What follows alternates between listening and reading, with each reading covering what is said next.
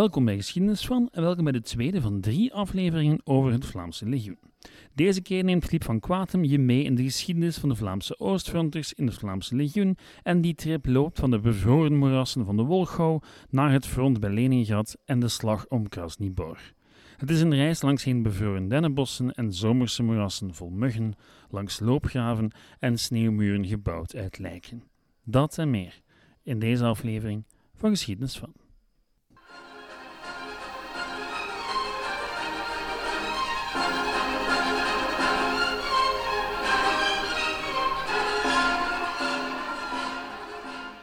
In het eerste deel hadden we het al over het hoe en waarom duizenden Vlamingen plots in Duits uniform aan het Russisch front belanden. In dit tweede deel gaan we dieper in op de gevechten aan het front.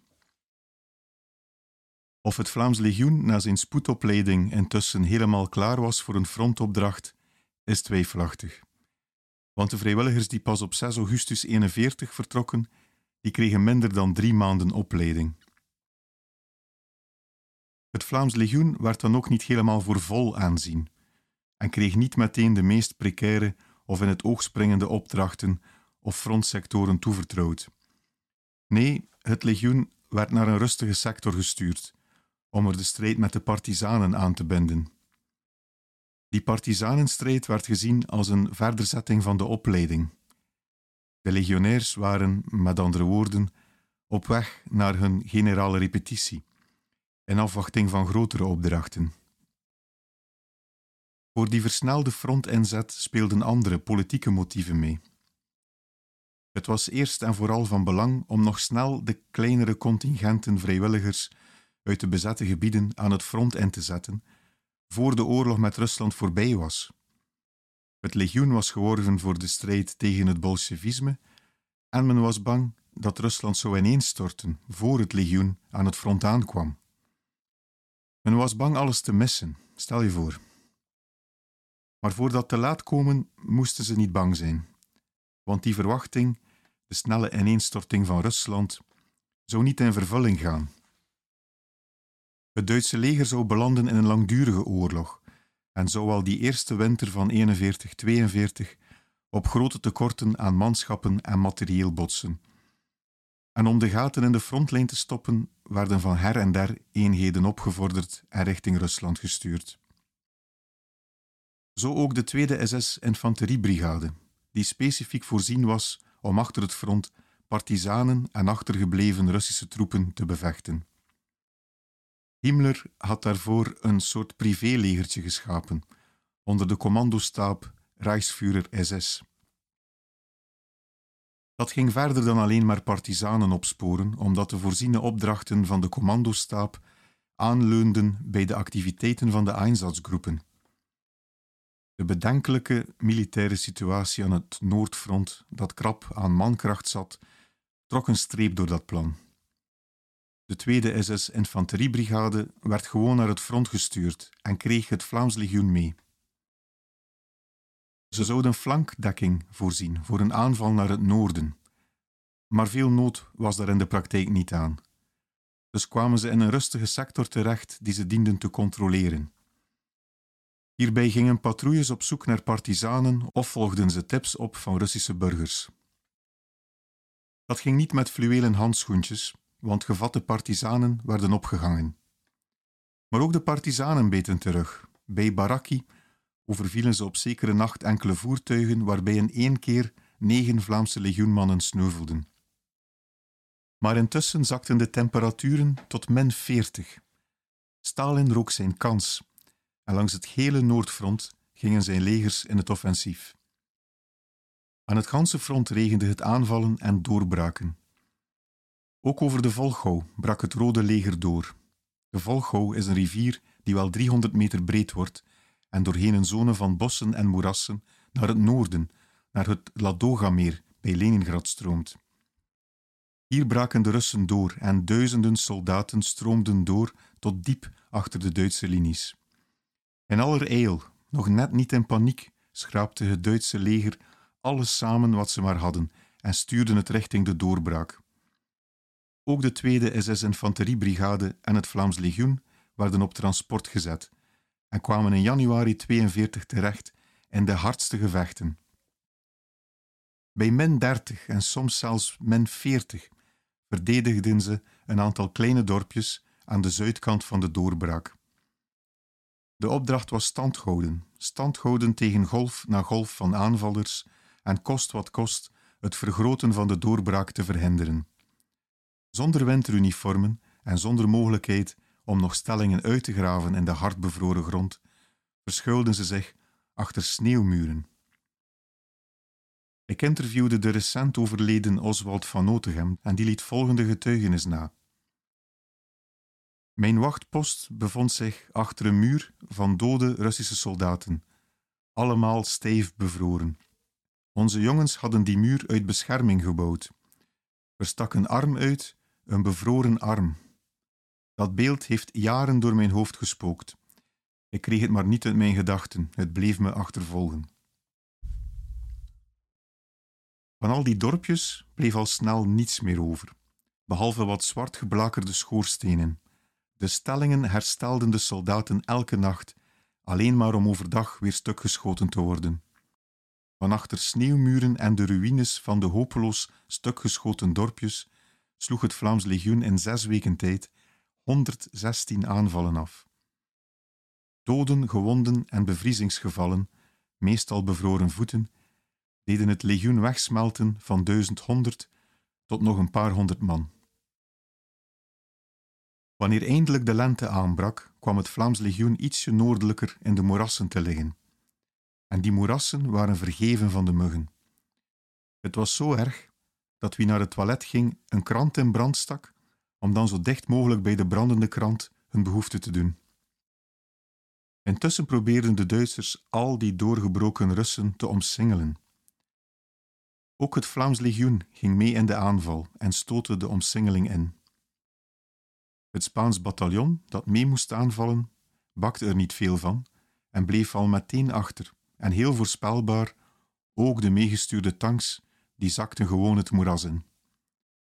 Het legioen moest het op zijn eentje rooien en zou zich in enkele dagen doorheen de moerassen vechten en daarbij tientallen bunkers en stellingen innemen. Tegen het eind van deze gevechten hadden de omsingelde Russische troepen het opgegeven. Het Vlaams legioen was intussen helemaal op. Zowat het halve legioen werd afgekeurd voor de dienst door maag, darmziektes, dysenterie, zweren op de voeten, moeraskoorts en griep. Maar veel respect was er niet. Kort daarop, in juli 42, verliet het Vlaams legioen de Volgouw-moerassen en trok naar het omsingelde Leningrad. Hier lag het front al maanden stil. De Duitse legers hielden de tweede grootste stad van Rusland omsingeld in een soort loopgravenoorlog, zoals in 1418. Voor het eerst betrokken de Vlaamse oostfronters uitgebouwde en aangelegde loopgraven. Maar wie dacht dat er nu een comfortabel verblijf wachtte na die sneeuwstellingen bij min 40 en na de moerassen met de miljoenen muggen, had het verkeerd voor. Eerst werden twee weken lang loopgraven betrokken, waar men tot aan het middel in het water stond. Daarna werden droge stellingen betrokken bij het dorpje Alexandrovka, maar hier was het pijnpunt dat de Russische stellingen hoger gelegen waren. Ze konden als het ware in de lager gelegen Vlaamse stellingen kijken. Bij de research voor mijn boek Vlaamse Leeuwen, Duitse Bevelen vond ik in het Bundesarchief een frontkaart waarop zowel voor de Vlamingen als de Russen alle loopgraven, mortieren, prikkeldraadversperringen tot aan ingegraven tanks toe stonden ingetekend. De Vlamingen lagen in stellingen langs een spoorwegdam. De dam volgend liep een loopgraaf, de Sappe genaamd, recht op de Russische stellingen af. Een paar kilometer naar links, naar het westen, was er een tweede Sappe, die ook pal richting de Russen was gegraven. Dit betekende dat de Russen eigenlijk niet konden aanvallen tussen die beide sappes in, want dan zouden ze van drie kanten onder vuur komen te liggen. Het betekende wel dat net de verst uitstekende delen van die twee sappens telkens opnieuw werden gebombardeerd en aangevallen. Telkens weer zouden Russische patrouilles, vaak bij nacht, plots een sappen induiken of er grotere aanvallen op uitvoeren. Om de haverklap braken ze in in de stellingen, waarna ze zich pas na lijf-aan-lijf gevechten lieten verdrijven. Het uitgedunde legioen had ook een te grote sector gekregen, en daardoor was er nauwelijks een moment rust. De Vlamingen bleven zonder aflossing, zowat voltallig in de stellingen in eerste lijn. En de mannen raakten dan ook dodelijk vermoeid.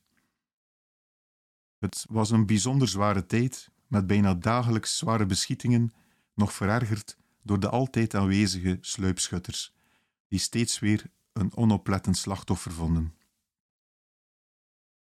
Adolf Boterberg was erbij.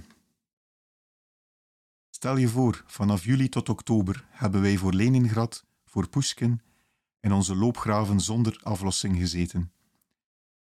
In regen, in slecht weer, in gevechten, zweten en luizen, kruiddamp, wat weet ik nog.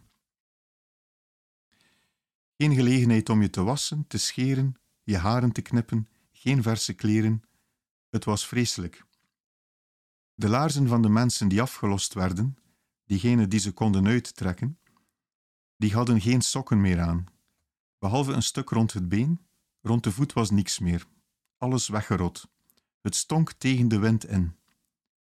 Het gebeurde niet zelden dat de laarzen niet meer van de voeten afkwamen en dat die moesten opengesneden worden.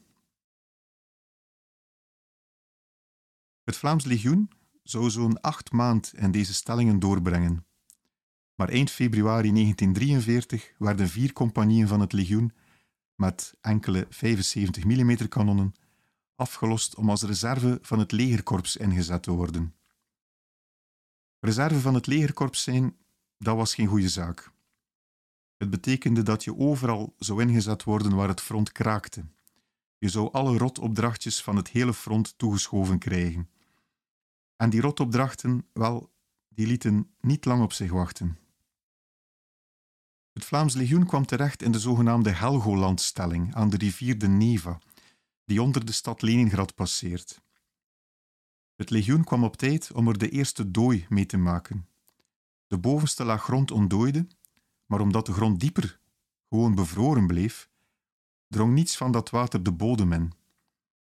Loopgraven en bunkers liepen vol stinkend water, en stinken deed het, want de duizenden lijken in en voor de stellingen die daar een week eerder nog met sneeuw bedekt en bevroren lagen, ontdooiden ook. Uit het water en uit de grond walmde zo'n alles doordringende, walgelijke lijkgeur dat het niet uit te houden was. Er was geen andere optie dan de lijken te ruimen. Ze stelden werkploegen samen, ongetwijfeld met zeer beperkt enthousiasme, en omdat het opruimen van de rotte lijken gewoon om te kokhalzen was, werd vloeibare versterking voorzien. Het vuile werkje ging vergezeld van een aantal stevige slokken vodka. Slokken die op de lange duur flessen werden, en misselijk van afschuw begonnen de werkploegen, hoe langer hoe meer bedronken, hun griezelige werk. De legioenmannen verzamelden de lijken waar het lijkvocht uitgutste. Tot overmaat van ramp was er nadien geen water beschikbaar om de uniformen en het lichaam te wassen en het water dat in de loopgraven stond, stonk even hard. Ik interviewde de recent overleden Oswald van Notegem, die erbij was. Allee, dat was onvoorstelbaar, hè? De loopgraven stonden vol met sneeuwwater. Het was, het was gedooid. En in de bunkers stond water, ook. En de mannen moesten slapen op bovenste bedden juist boven het water. Hm. Maar s'nachts droog het. En dan kwam er weer een laagje ijs op dat water. En dan moesten ze overdag op wacht gaan staan tussen, tussen dat ijswater. Hm. En in dat water lag de dode Rus. Te stinken. Met opgeblazen lichamen. Ik ben er doorgestapt soms een keer in, in, een lijk getrapt. Wanneer het Vlaams legioen eindelijk de stinkende waterstellingen verliet, dan was dat om de volgende gevaarlijke opdracht op te nemen. Van in de ochtend van 19 maart 1943 startte het Rode Leger een offensief vanuit een stadje net onder Leningrad, Krasnibor geheten. Er werd aangevallen langs de grote baan Leningrad-Moskou en die liep vanuit Krasnibor richting het zuidoosten. Toen ook raketwerpers, grondaanvalsvliegtuigen en tanks op het toneel verschenen, braken die laatste door en konden ze pas vlak voor de Duitse artilleriestellingen tot staan worden gebracht. Sterke Russische eenheden nestelden zich in de doorbraak die drie kilometer diep was en één kilometer breed. Als korpsreserve spoedde het Vlaams legioen zich met zijn twee 75 mm kanonnen naar wat de slechtste plek in de linies van het legerkorps was. Al wat beschikbaar was aan reserves stuurde het korps naar de Bres, met daarbij ook die blussers van brandjes allerhande langs het front. Tigertanks waren ook op komst. Het Vlaams legioen kwam aan het front en ging in stelling langs die grote baan Leningrad-Moskou, net aan het verste punt van de doorbraak eigenlijk. En blijkbaar gaf de commandant van het legioen, een zekere Konrad Schellong, zonder bevel van hogerhand en op eigen houtje, het bevel voor de tegenaanval. Die ging doorheen het rechterveld links en rechts van de grote weg. Die bomputten die stonden half vol vies, koud water. Eigen panzers schoven zich voor de legioencompagnieën en terwijl de Duitse artillerie op de Russische posities schoot en onder dekking van de eigen zware machinegeweren ging het van krater tot krater springend naar voren. In een doldrieste aanval stootte het Vlaams legioen de zone in waar het Rode Leger doorbrak en jaagde het terug. Maar er was eigenlijk geen kans die veroverde zone te behouden. Het legioen trok wezenlijk terug tot bijna op het startpunt van de aanval. De komende week zou er een zijn van verdedigen en standhouden tegen aanstormende Russische tanks. Dat en lijf aan lijf gevechten, want de gevechten van deze dagen waren meedogenloos. De momenten dat er niet een paar tigertanks opdoken om de aanstormende tanks te verjagen, en de momenten dat ook de eigen artillerie versaagde, bleef de kleine infanterist op dat moment niets anders over dan magnetische antitankmijnen. Dat waren holle ladingen die wat op een ijzeren trechter leken. Wie koudbloedig genoeg was, kon ermee naar een Russische panzer sluipen, vanuit een bomkrater opspringen en ze op de zijkant van de tank vastzetten. En dan de ring uit de kleine koperen ontsteker trekken, zoals bij een handgranaat. Als men al niet eerst sneuvelde, dan was de tank onherroepelijk verloren, want de holle lading brandde in een fractie van een seconde door geen centimeter staal, alsof het niks was. Toen de gevechten bij Krasnibor eindigden, waren twee Sovjet-divisies, een infanteriebrigade en een panzerbrigade vernietigd. Maar toen het Vlaams legioen werd afgelost, was het nog een schim van zichzelf. De meeste vrachtwagens die het legioen kwamen ophalen, troffen loopgraven vol doden aan en reden leeg terug. Het legioen bestond nog uit 60 man, inclusief de bemanning van het ene overgebleven 75 mm antitankkanon. 60 van zowat 420. 15% van het legioen bleef dus over, waarvan velen dan nog één of meerdere keren gewond waren. Het Vlaams legioen werd voor Krasnibor vernietigd. Zo verging het die eerste lichting van Vlaamse oostfronters aan het front. Verlofgangers trokken naar Vlaanderen en het waren er nu met de terugkerende gewonden zelfs velen. Op 8 juni 1943 stopte in het station van Antwerpen zelfs een speciale verloftrein met 200 verlofgangers, die daarop door de straten van Antwerpen marcheerden en daarmee was meteen ook het lied van het Vlaams Legioen uit. Als conclusie kunnen we ook nog eens evalueren wat nu eigenlijk de militaire waarde was van het Vlaams Legioen. Wel, we spreken over een kleine eenheid natuurlijk. Het Vlaams Legioen vertrok in 1941 met 1100 man naar een oorlog met miljoenen legers.